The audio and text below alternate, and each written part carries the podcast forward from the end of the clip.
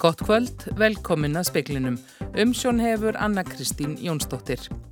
Suðaustan Íllviðri gengur yfir landi í kvöld og nótt og vestnar til muna fyrst á Suðurlandi og á morgun skellur svo vonsku veður á Suður og Vesturlandi en rauðar veður viðvarnir taka gildi við faksaflóa á höfuborgarsvæðinu og Suðurlandi eftir um klukkutíma. Það hefur þegar verið lokað um helliseiðu og þrengsli. Almennur borgari lést í árás norður að héræðinu Donetsk að sögn úkrænskra embættismann á svæðinu. Fórseti Rústland segist ætla ákveði í dag hvort hann viðurkennir sjálfstæði tvekja héræða í Úkrænu. Og fórsetisráð þeirra er bjart sín á að hægt verða aflétta takmörgunum í vikulokk þó að staðan sé víða þunga á helbyrðistofnunum. Mestu skipti góð bólusetningar staða þjóðarinnar. En eins og að það verða eftir klukkutíma viður viðvörun orðin rauð fyrir höfuborgarsvæði Suðurland og Faxaflóa. Samhefingar miðstöð almannavarna var virkjuð síðdeis og í gildi er óvissu stig vegna óveðusins. Nokkrum vegum hefur þegar verið lokað. Víðir Reynisson, yfirlögur þjótt hjá almannavörnum, heldur utanum þræði í skóarlíðinni í samhefingar miðstöðinni. Víðir hann og kannski ekki beinlega sagt að tala um lokna undan storminum. Það hefur verið vonsku veður í dag en versnar enn, menn búa, er að búa sig samt samt undir kvöldið er það ekki? Jújú, jú, það er búið að vera bara eins og þú segir leiðinda veður núna í, í dálfinn tíma og, og það er orðið ansi, ansi mikið vatn á göttunum og, og svona nær sjónum og síðan eru, eru heiðarveiðin og fjallveiðin hérna í nágruninu og, og sögvestrátunum byrjar að lokast og síðan mun þetta færast inn yfir landi bara og halda áfram þannig að það má búast til miklu samgangutröflunum við erum strax farin að sjá tröflanir á, á rammagni og öðru slíku þannig að þetta er, þetta er í, í, hérna, yllviðri sem að, sem er að ganga yfir. Við höfum svona mestar ágjur af, af hvað þetta er mikil vindur og, og síðan það að svona á lálendi og nær sjónum og þá er ansið mikil hláka og getur orðið tjón ef að fólk uh, getur ekki að því að reynsa frá niðurföllum og slíkur. Fólki hefur náttúrulega verið ráðið frá svona ferðalögum á þessum slóðum en það er kannski helst eins og segir fók, tjón og að jafnlega flæðin í hús. Já, það er mikil, mikil hægt á því svona að flæðin í hús því að Bæði eru þá neðurföll við göturna stíplu þannig að vatni kemst lítið og, og getur sapnast upp og þeirra svona miklu snjórauningar og þá beinist vatnið oft í óvantar áttir. Þannig að fólk þarf að vera svolítið vakandi í, í kring, kringum heimili sín að, að hérna, fylgjast vel með hvert vatn er að fara sem er þar. En, en við hefum auðvitað verið að ráleika fólki frá því að fara með til landsluta en það er samt, er daldið fólk á ferðin eðlilega, það er fólk að leiða heim og vinna og annað og, og hefur lett í vandraðum á fjallvögum. Hefur hafa verið mörg útkvöld þessum aðverð? Það eru komin nokkur, það eru, er aðstúðar aðstúð við, við bíla og hættisegi til dæmis í, í gangi augnaflikinu og, og þannig að það er svona nokkur svoleiðis útgöld komin. En við höldum áfram að fylgjast með þessu og þið standi vaktina þarna í skóarlíðinni. Þakkaði fyrir Víðir Reynisson. Els, Elsa Maria Guðlúks Drífudóttir, fréttamaður, hún er í Borganesi og í Borgafyrðu og Vesturlandi. Þar búast menn við leiðenda veðri kvöld. Elsa Maria, er farið að kvessa hjá ykkur? Já, uh, það náttúrulega hefur valla verið logn síðan í allan dag þannig að það er bara búið að vera kvast en það hefur bætt verulega í síðasta klukkutíman og ég var hérna á vappi að leitaði myndefni fyrir sjöfréttinnar og, og maður er gegn sósa og það er asa hláka þannig að það er bara varfærið og, og best að halda sig inni í kvöld held ég.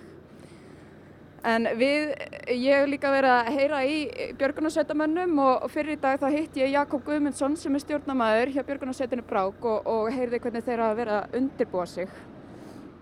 Lítur ágætla út hérna hjá okkur en, en við svo sem veitum ekki alveg hverjum að búast. Nú bætist við vatnið til viðbútar en öðru leiti erum við bara samið undirbúning og vennilega búin að taka búnaðan okkar heim og fyrir leiðis. Hverju bætir svona vassveður við? Það er svo sem ekki stóra hættan hérna hjá okkur og þessu svæði en, en hérna, þetta er náttúrulega er, eh, flæðir honni kellara og, og þessu hattar sem er hætt á því fyrir og svo er náttúrulega er bara flughald og stór hættur þetta farum og við erum bara standbæ og, og náttúrulega og sveitir hérna í héræðinu eru bara búin að undirbúa sér líka og það er allt kerfið í gangi, það er rauð viðvörun og, og þá er allt, allir klárir. Allt í viðbrástöðu? Allt í viðbrástöðu, já og þarna heyrðu við Jakobi Guðmundsinni sem var að tala við Elsu Maríu Drífu Guðlustóttur. En eins og framöfu komið þá fer veðri hríðvestnandi á höfuborgarsæðinu næsta klukkutíman og rauða viðvarnir taka gildi klukkan sjö. Hrafn Guðmundsson veðurfræðingu, hver verður svona eiginlega gangurinn í, í kvöld og nótt? Við erum að tala um mikla veðurhæð, þetta er, þetta er svona svipu veðurhæð og var hann 7. februar þegar við fengum rauða viðvörun og síðan er úrkoman meira, hún er svona, hún er meiri núna og kannski blöytari. En hven er svona fyrir svo slota? Þetta, þetta fer að laga svona í, í fyrramálið, skulum við segja. Þá svona, þetta, þetta, er, þetta er svona tvískipt, þessi söðustanátt núna, austanátt, eða söðustanátt í kvöld, hún gengur niður hérna á Suðvestalands svona miðnætti og þá væsna veðri fyrir norðan í austan stormiðaróki og, og þar verður náttúrulega hríð og, og, ofankoma og skafrinningur og allir pakkin og veður bara. En, en hérna í Suðvestalands lægir um tíma og síðan gengur hann í svona vestan kveld í, í svona í nótt, sent í nótt. Og takk fyrir þetta, Raffn Guðmundsson. Katrín Jakobsdóttir Forsætsar á þeirra segir að ríkistjórnin meti stöðuna í faraldrinum daglega. Hún er bjart sín á að hægt verði að aflétta takmörkunum fyrir viku lok. Staðan sé víða þung vegna fjöldasmita en bólusetningastaða þjóðarna sé góð og hvað sem því líði þá sér um óþverra pest að ræða. Já, ég er mjög bjart sín á það. Ég meina við höfum sett fram okkar sín, uh, höfum verið í raun og verið að meta stöðuna dag frá degi. Ég sagði það þegar við kynntum afléttingar átlun stjórnvalda að næstu dagur og vikur eru erfið og þau hafa reynst það. Ég meina við erum auðvitað að sjá gríðalega fjöldafólk sem hefur smitast í samfélaginu og þó að þetta afbriði sé bæði vegar, vægar en þau fyrri sem og að bólusetningarstaða þjóðarinnar sé mjög góð, uh, ekki síst þegar við miðum okkur værar þjóður og, og til að mynda berum saman þau sem hafa fengið örfunabólusetningu þá er staðan ég mjög góð. En það breytir því ekki að þetta er auðvitað, þetta er auðvitað óþvara pest og við erum að sjá það að, að bæði landsbítalinn, sjúkrahúsið og akkurir og allar helbriðistofnanir er auðvitað í mjög þungri stöðu vegna þess að uh, stór hluti þeirra starfsfólks er, hefur smitast. Saði Katrín Jakobsdóttir við Jóhannu Vigdísi Hjaltadóttur sem tala nánar við Katrínu í speklinum og sjónvarsfrettum klukkan sjö. Úkrænskir embættismenn í austurluta landsins segja að almennur borgari hafi fallið í árást norður af héræðinu Dónetsk. Forseti Rúsland segist alltaf taka ákvörðun í dag um það hvort að Rúsland viðurkennir sjálfstæði tvekja héræða í Úkrænu. Bærin Novoluganski er um 35 kílometra norður af Donetsk sem er undir yfirráðum aðskilnaða sinna sem vilja sjálfstæði frá Úkrænu. Novoluganski er hins vegar undir yfirræðum úkrænskra stjórnvalda og embættismenn þar segja að almennur borgari hafi fallið í árás á bæin í dag. Vladimir Putin, rúslandsfósetti, sóti fund öryggisraðs Rúslands í dag. Að honum loknum saðist fósettin ætla að taka ákverðun í dag um að viðukenna sjálfstæði Donetsk og Luhansk í Úkrænu sem saman hafa verið kölluð Donbass. Í síðustu viku samþykti rúsneska þingið að byggja Pútín að viðkenna sjálfstæði héræðana. Úkræna og vesturveldin óttast að ef af því verður sendi stjórnveldi í Rúslandi herlið sitt þar inn. Ólöf Ragnarsdóttir sagði frá. Við þetta má því bæta að Pútín ætlar að ávarpa rúsnesku þjóðuna í sjónvarpinu hvað úr hverju. Síðar í speklinum þá verður rætt við Baldur Þóraldsson, professor í alþjóðastjórnmálum, um stöðunni í Ukrænu og tilraunir alþjóðuletua til að stilla þar til friðar. En Lógi Einarsson formaði samfélkingarna segir að ríkistjórnin sé ósamstíga í efnagsmálum. Var að formaði framsorgnflokksins leggji fram hugmyndir sem hafi engan hljómgrunn hjá samstagsflokkunum. Þar vísar Lógi í tilugur Lilju Alfredsdóttur menningar og viðskiptar á þeirra um bankaskatt og fleira. En forsætisra á þeirra segir að tilugur Lilju hafi ekki verið rættar í ríkistjórn. Hún hefur verið nokkuð yfirlýsingarklöð allan februar og beinlínis lagt til beinharðar aðgerðir.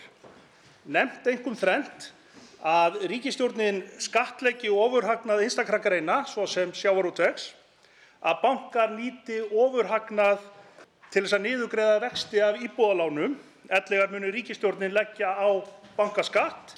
Til þess að ég svari uh, fyrirspurn ráðherra um tillögur viðskiptaráðherra þá hafa þær ekki verið ræddar í ríkisstjórn. Ég vil hins vegar segja það almennt um mína afstöðu mér finnst að vera okkar hlutverk að koma til móts við þau sem standa höllustum fæti. Saði Katrin Jákstóttir og svo heyrðist líka í loga einars sinna á undan henni þar sem þau töluð á alþing í dag.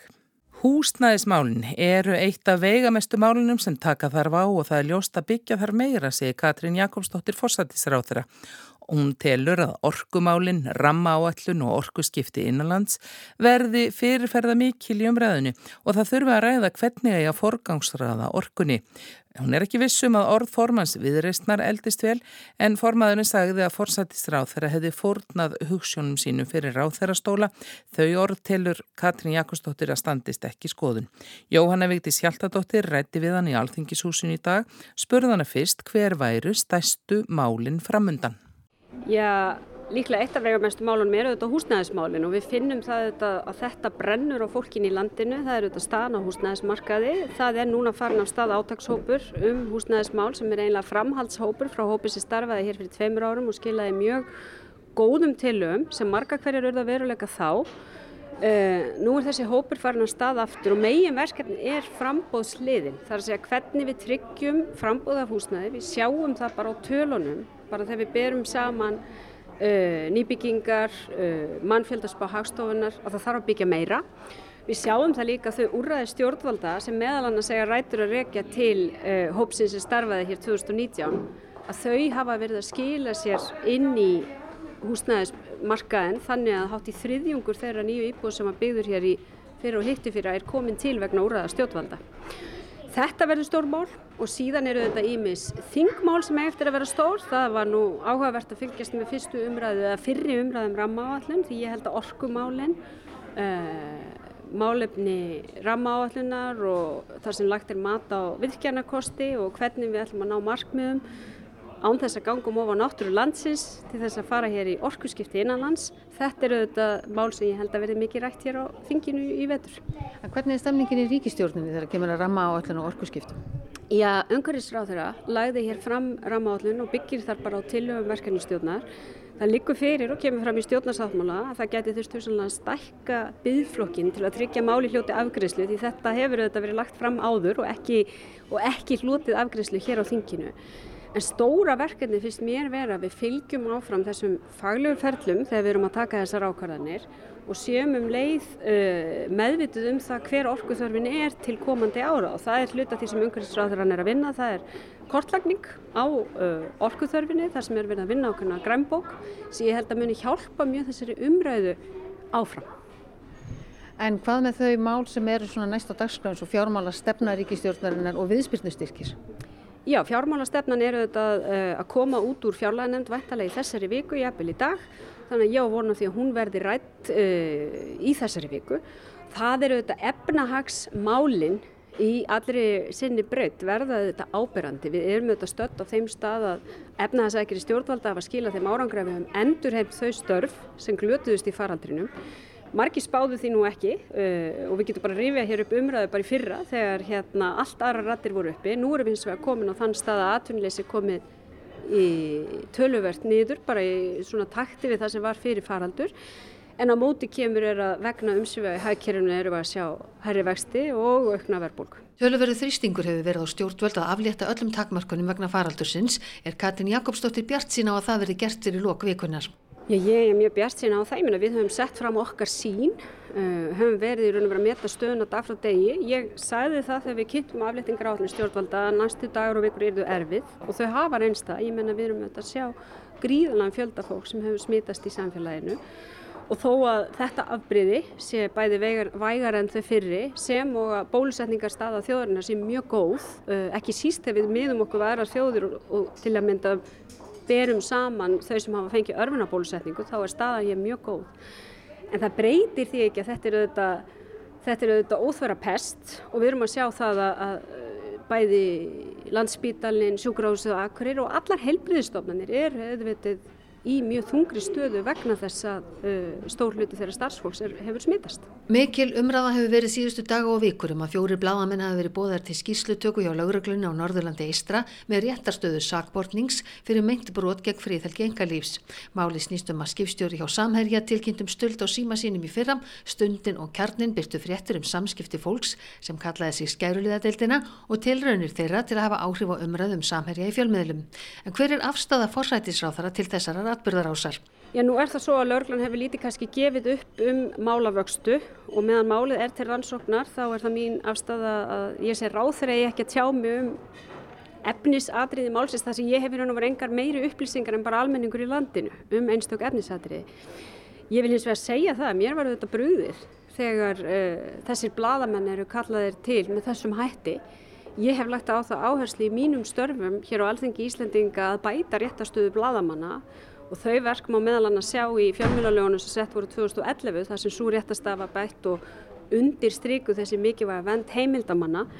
Uh, það má líka sjá þessi merki í endurskoðun upplýsingalaga sem ég stóð hér fyrir 2019 og lögum með vend uppljóstrara 2020 þannig að uh, ég hef lagt á það ríka áherslu að fjölmjölamenn hafi mjög mikilvægur hluturki gegn í okkar samfélagi og það er okkar skild að uh, verja þeirra stöðu hins vegar treysti ég þá lauruglunni til þess að byggja sinn málaregstur á einhverjum gognum sem eins og ég segi, ég veit ekkert meirum en almenningur í landinu og gæta þar fylsta meðalhófs í ljósi þess að hér er um að ræða bladamenn sem eru að flytja fréttir af máli sem tengist uh, stórfyrirtæki sem er til rannsóknar og uh, þær, uh, þær fréttir sem við höfum lesið að minnstakosti hafa átt vikt erindi við almenning. Hefur áhyggjur að því að þetta geti verið aðförað bladamennum á tjáningafrælsinu? Nú eins og ég segi þá hérna þekki ég ekki eins og ég segi mála vöxtu alla og finnst að ráþarar eigi að hérna, segja sem minnst á meðan málin er til rannsóknar eins og ég segi bara ég treysti lauruglunni til að ganga fram að meðalhófi því ég veit að lauruglun er jafn meðvitt um það og ég að slíku málaregstur getur haft ákveðin svona fælingaráhrif fyrir bladamenn og það er okkar hagsmunir okkar allra að bladamenn geti sinn sínu störn. Miðstjórn ASI fór nýlega fram á rannsókn og ríkistuðningi til fyrirtækja vegna COVID-faraldursins og Drífa Snædal, fórseti ASI, sagði mikilvægt að almenningur fengi upplýsingar um hvernig hefði verið farið með þetta fjármagn. Ég vil nú í fyrsta lagi segja það að efnahagsækjari stjórnvalda hafa verið mjög vel hefnar og við sjáum það til að myndi því að hér hafa öll störf sem glötuðust eða töpuðust í faraldrinu verið endur heimt, ekki síst vegna þessara aðgerða stjórnvalda.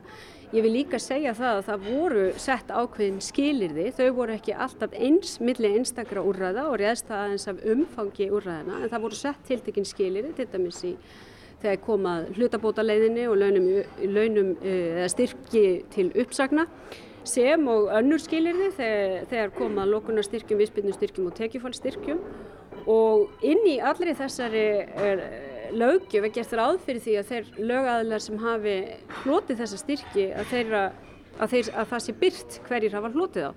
Þannig að ég, það er ekkert sem stjórnvöld hafa fela í þessum efnum. Við höfum reynd að tryggja það að það séu málefnarleg og skýr skilirði og viðmið þegar styrkinir hafi verið veittir. Það er allt skrifað út í lögjöfina og það heldur ekki verið neinn lendamálum það hverjir hafa Uh, þurft að nýta sér þessar ráðstofanir. Vörgerður Katrin Gunnarsdóttir formaði viðreysna segir í grein í morgunblæðin í dag að Katrin Jakobsdóttir fórsættisráþur og Svandi Svavarsdóttir matfælaráþara hafi fórnað hugssjóninni fyrir ráþarastóla í fjögur ár á síðasta kjörtíðanbili og lofaði stjórnarsáttmála að gera það í önnur fjögur ár. Hver er viðbröð fórsættisráþara við þessum orðum? Ég er ekki vissum að þessi orð formans viðreysnar eldist vel uh, og það er auðvitað bara þannig að við skoðum þann árangur sem við vinstri græn höfum náðið þessu stjórnarsamstarfi hinga til þá standast þessi orð enga skoðun.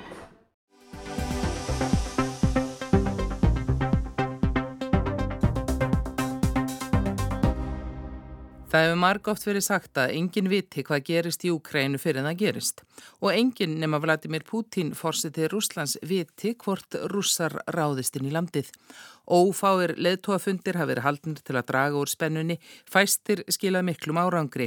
Í nótt tilkynnti Emmanuel Macron fórsti Fraklands að leðtóa Rúslands og Bandaríkjana myndu hittast í eigin personu til að leita laustna á deilunni og fundur fórsetana erið undir búin á fundi utaríkisra á þeirra landana þeirra Sergeis Lavrovs og Antonis Blinkens á fymtudag. Það er enda dæmi gert fyrir óvissuna í kringum Úkrænu að það er ekkert alveg vístað af þessum fundi verði. Talsmaður Rúslandstjórnar segir ótímabært að tala um fund fórsetana, þó sé ekki útilokkað að þeir Vladimir Putin og Joe Biden hittist. En russar eru sagði reyðubúnir til innrásar um 150.000 rúsneskir hermenn eru við landamæri Rúslands og Úkrænu og herabli sem var við æfinga russa og kvítrúsa verður áfram í Kvítarúslandi. Þrýr fjórðu segja sumir af herliði Rúslands er á þessum slóðum en Pútín hefur þver neytaði að stemt sig að innrás. Baldur Þórhaldsson, professor í alþjóðastjórnmálum við Háskóli Íslands, segir alveg ljóstafumælum leðtöða vestrænaríkja að þeir telja þetta raunverulega ógn. Annars væru þeir rauninni ekki nær daglega að skiptast á því að ræða við Pútin og auðaríkisráþurar eh, vestrænaríkja að ræða við auðaríkisráþurar Rúslands það virðist eins og þú nefnir ekki mikið hafa komið út úr þessu. Það kannski helst eitthvað hafa komið út úr viðræðum Makrons og Pútins að sögn Makrons að honum hafi eftir kannski tekist að fresta innrás rúsa í Ukrænum einhverja daga eða að einhverjir möguleika síð og fríðsamlegur löst vegna þeirra viðræðina en það er ekki að sjá að hvorki viðræður hans ný annara við Pútin hafi skilað einhverjum árangri ekki ef hann lítur á stöðuna á jörðu niðri við landamæri Úkrænu og Rúslands. Baldur segir ekki megi gleima Úkrænu sjálfri og stjórnveldum þar í stöður umræðum kaldastriðs tókstreitu rúsneskra og vestrætnabla. Og það gleimis kannski stundum í umræðinni að sumir myndu segja að þetta ástand er komið til vegna stefnu úkrænska stjórnvalda. Það eru úkrænsku stjórnvöld sem undir fórustu Zelenski fósita sem stefna ótíðrætt á aðild að Allarsansbandalæðinu og Evrópusambandinu og vilja alls ekkit gefa eftir að þeirri kröfu sinni að fá yngöngu í þessi bandalög og sækja það mjög stift. Þar fetaður hún í fótspor flest ratra annara ríkja, eins og ný líðfrjálsra ríkja í mið- og austur-Európu að ganga í þessi bandalög eða óska eftir yngöngu í þau vegna þess að þau telja það besta tryggingu fyrir efnaðslegu stöðuleika og ógninni sem þeir finnst stæðja af rúsneska byrnunum. Það eru rúsnum stjórnvöld sem raunir að bregðast við þessari viðleitni úkrænska stjórnvalda að tengjast vesturinu tryggðar böndum. Framganga Emanuels Makrons, fórsetta Fraklands, hefur vakið aðtikli og hann hefur lagt sig fram um að gera sig gildandi í þessu máli. Það skýra nokkrir þættir að dómi Valdurs. Í fyrsta lagi þá er Fraklandsfósendi að reyna að fylla upp í það tómarún sem Merkel skildi eftir sig. Það er engin í dag eitt svona afgerandi leiðtogi í vestur Evrópu eins og Merkel var um langan tíma. Hún var í mjög nánu talsambandi við Putin. Þau töluðust oft við að sög þýskar fjölmiðlega einu sinni tvísari viku þegar mikið lág við en það talaði hún til dæmis eh, sko rúsnesku og náðu ofta miðlamálum. Makrón er að reyna að reyna að taka við að henni sem svona helsti leiðtogi Vestur-Európuríkja í, í því að hafa talsamband við Kreml og verða þá um leið bara helsti leiðtóin í Vestur-Európu. Númur tvö, það er að koma fósettakostningar í Fraklandi. Það verður kosið um fósetta í april og eh, ég held að klárlega ég líta á þátt eh, Makrón í viðröðum við Pútín sem viðleitni við það að styrkja stöðu sína innanlands og vinna kostningarnar því það er á hann á brattan að sækja.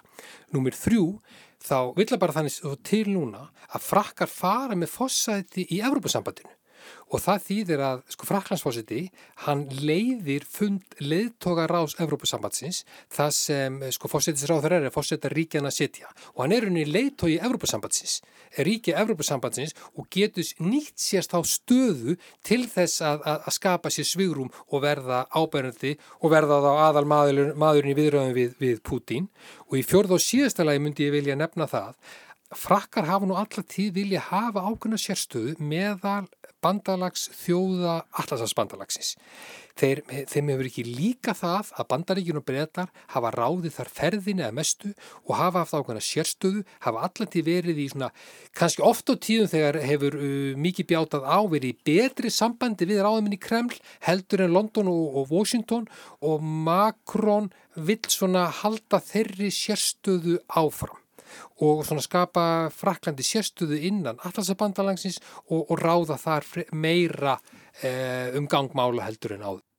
Baldur segir að ríki allarsabandalangsins sé ekki á leiði landhernaði í Ukrænu en á sama tíma og frakkar og Makrón breyða úr sér hefur dreyið úr vægi Breitlands á alþjóðasviðinu þó að Boris Johnson forsættisar á þeirra fari oft mikinn. Í Breitlandi hefur það lengi gengið vel að tala digubarklega, e, vera með stórar yfirlýsingar í gard, já í gæðsalöfum anstæðingana, selja vopp til þeirra sem eru undirokaðir þannig að þeir getið að varið sig sjálfur. Þannig að þessi svona orðræða breska fórsættisráðuran, hún er í takt við annað sem við séð í Breitlandu undanfærin ár. Eftir fall Múrsins og Sovjetaríkjana sóttu mörg ríki sem áður voru á áhrifasvæði Sovjetaríkjana um aðelda NATO en mættu í fyrstu töluverðri anstöðu. Ríkin sem þar voru fyrir vildi ekki lenda í beinum stríðs átökum við Rúsland en hleyftu svo nokkur minn fyrst 1999, fleirum 2004 og eitt og eitt ríki hefur flótiðin síðan segi baldur. Og þá var stefnast allarsasbandalagi þannig, jú, við, við verðum að hleypa ríkjum sem eru líðræðisleg og virða mannréttind inn í sambandi. Við verðum að gefa þeim að kost á því að velja sína auðaríkistefnu. Ef við gerum það ekki, þá eru rúsnur stjórnvöld ennþá að ráða öryggisumhverjum í Evrópu og hafa áhrif á auðaríkistefnu þessara ríkja. Þannig að frumkvæði af stakkurinn, allarsambandalagsins, kemur ekki frá því sjálfu. Það kemur frá ný frjálsum ríkjum í mið og, mið og austur Evrópu. Það má ekki gleymast í þessu samingi og það er nákvæmlega það sem sem Úkræna er að gera núna. Hins að síðan 2008 þegar aðaldiríki NATO gefa því það mjög skýrst undir fótinn og raunni taka jákvætt í það að Úkræna og Georgia gangi í sambandið. Þá var mælinni fullur í Moskvu hjá ráðamönum í Kreml. Það var raunni hingað og ekki lengra að þeirra mati vegna þess að þau lítið á sem ógn við sig, lítið á sem beina ógn við öryggi sitt og það verður þó að Okkur kannski hér uh, í vestur-Európa finnist það skrítið og við vitum það að NATO er ekkert að ráðast inn í Rúsland. Þá verður að taka það alvarlega hvernig rauninni ráðamunum í Moskú líður gagvart þessu. Hvernig þeir líta á þessu ógn. Rússar brúðust hart við þegar Georgi og Úkraina sótust eftir aðelda NATO segi baldur og þeir hafa í raun komið í vekk fyrir yngöngu þeirra. Fram að 2008 fengu þeir ekki að ráða för. En það er verið að taka tilliti þeirra það að Úkræna fái núna í dag ekki að ganga inn í allarsasbandarlegið og munir líklega ekki fá að gera þá næstu árum er tilkomið vegna þess að það búið að gefa rúsnesku stjórnvöldum neitunavald á það. Er líklegt að Finnlandiseringa eða nokkus konar hlutleysing Úkrænu verði raunin? Það tilur baldur endar ganga gegn stefnu úkrænskra stjórnvalda þau sæki yngöngu í NATO og ESB fast. Það hins vegar er stóra spurningin hvort það gæti hugsaðlega verið betra fyrir Úkrænu að taka upp stefnu Finnlands e, á tímum kaldastrýsins þar sem Finnland tók upp kapitalíst efnahagskerfi Vesturlandana, tók upp gildi og viðmið, mannréttindi og líðræði Vestur-Evrópu en lefði rúsnesku stjórnvöldum ráðamennum Kreml að íhlutast til um innanlandsmálefni á stundum. Það gekk jafnveg svo langt á sjötta áratökunum að eitt sinn það, þegar ráðamenn í Kreml kröfðust þess að finski fósittin skiptum fósittisráður í Fínlandi, þá gerða það vegna kröfu frá ráðamennum í, í Kreml. Sumum náttúrulega og mörgum finnst þetta ekki algjörlega óþólandi og líðandi að annar rík ráðskis með innanlandsmál en þetta var eina ráð sem finnar sjáu fyrir sér til þess að fá að halda sjálfstæði sínu og fá að bara að vera sjálfstætt land og komið vekk fyrir innrás Rúslands e, það hefur rauninni alltaf lítið þessi möguleiki í tilfelli Úkrænu að mínum að þetta hefur alltaf lítið velið rættur og það kemur til vegna þess að neikvæða sínar sem við höfum hér á Vesturlöndum á þetta orð e, finlandisering að e, ráðaminni Kreml fá að íhlutast til um álefni einstakra ríkja sagði Baldur Þóraldsson og aðeins meirum Úkrænu því að Reuters og fleiri fréttameðlar fullir það að Vladimir Putin, fórsetið Rúslands, hafi sagt Emmanuel Macron, fórsetta Fraklands og Olaf Scholz, kanslara Þískalands, að hann ætli að viðurkenna sjálfstæði úkrænsku hér aðana Donetsk og Luhansk. Við fjöllum nánarum þetta í sjómarsfréttum og vefnum okkar rúf.is. En veðurhorfur, það taka rauðar veður viðvarnir gildi klukkan sjö við Faxaflóa á höfuborgarsvæðinu og Suðurlandi. Appelsínugular viðvarnir eru þegar í gildum allt land. Hann gengur í söðaustan rók eða ofsaveður í kvöld og nótt með mikill í úrkomi víðum land, vestanrók, suðvestan til í fyrramálið og norðanlands fyrir hátegi. En fleiri ekki í speklinum í kvöld, tæknimaður var Magnús Þorstein Magnússon, veriði sæl.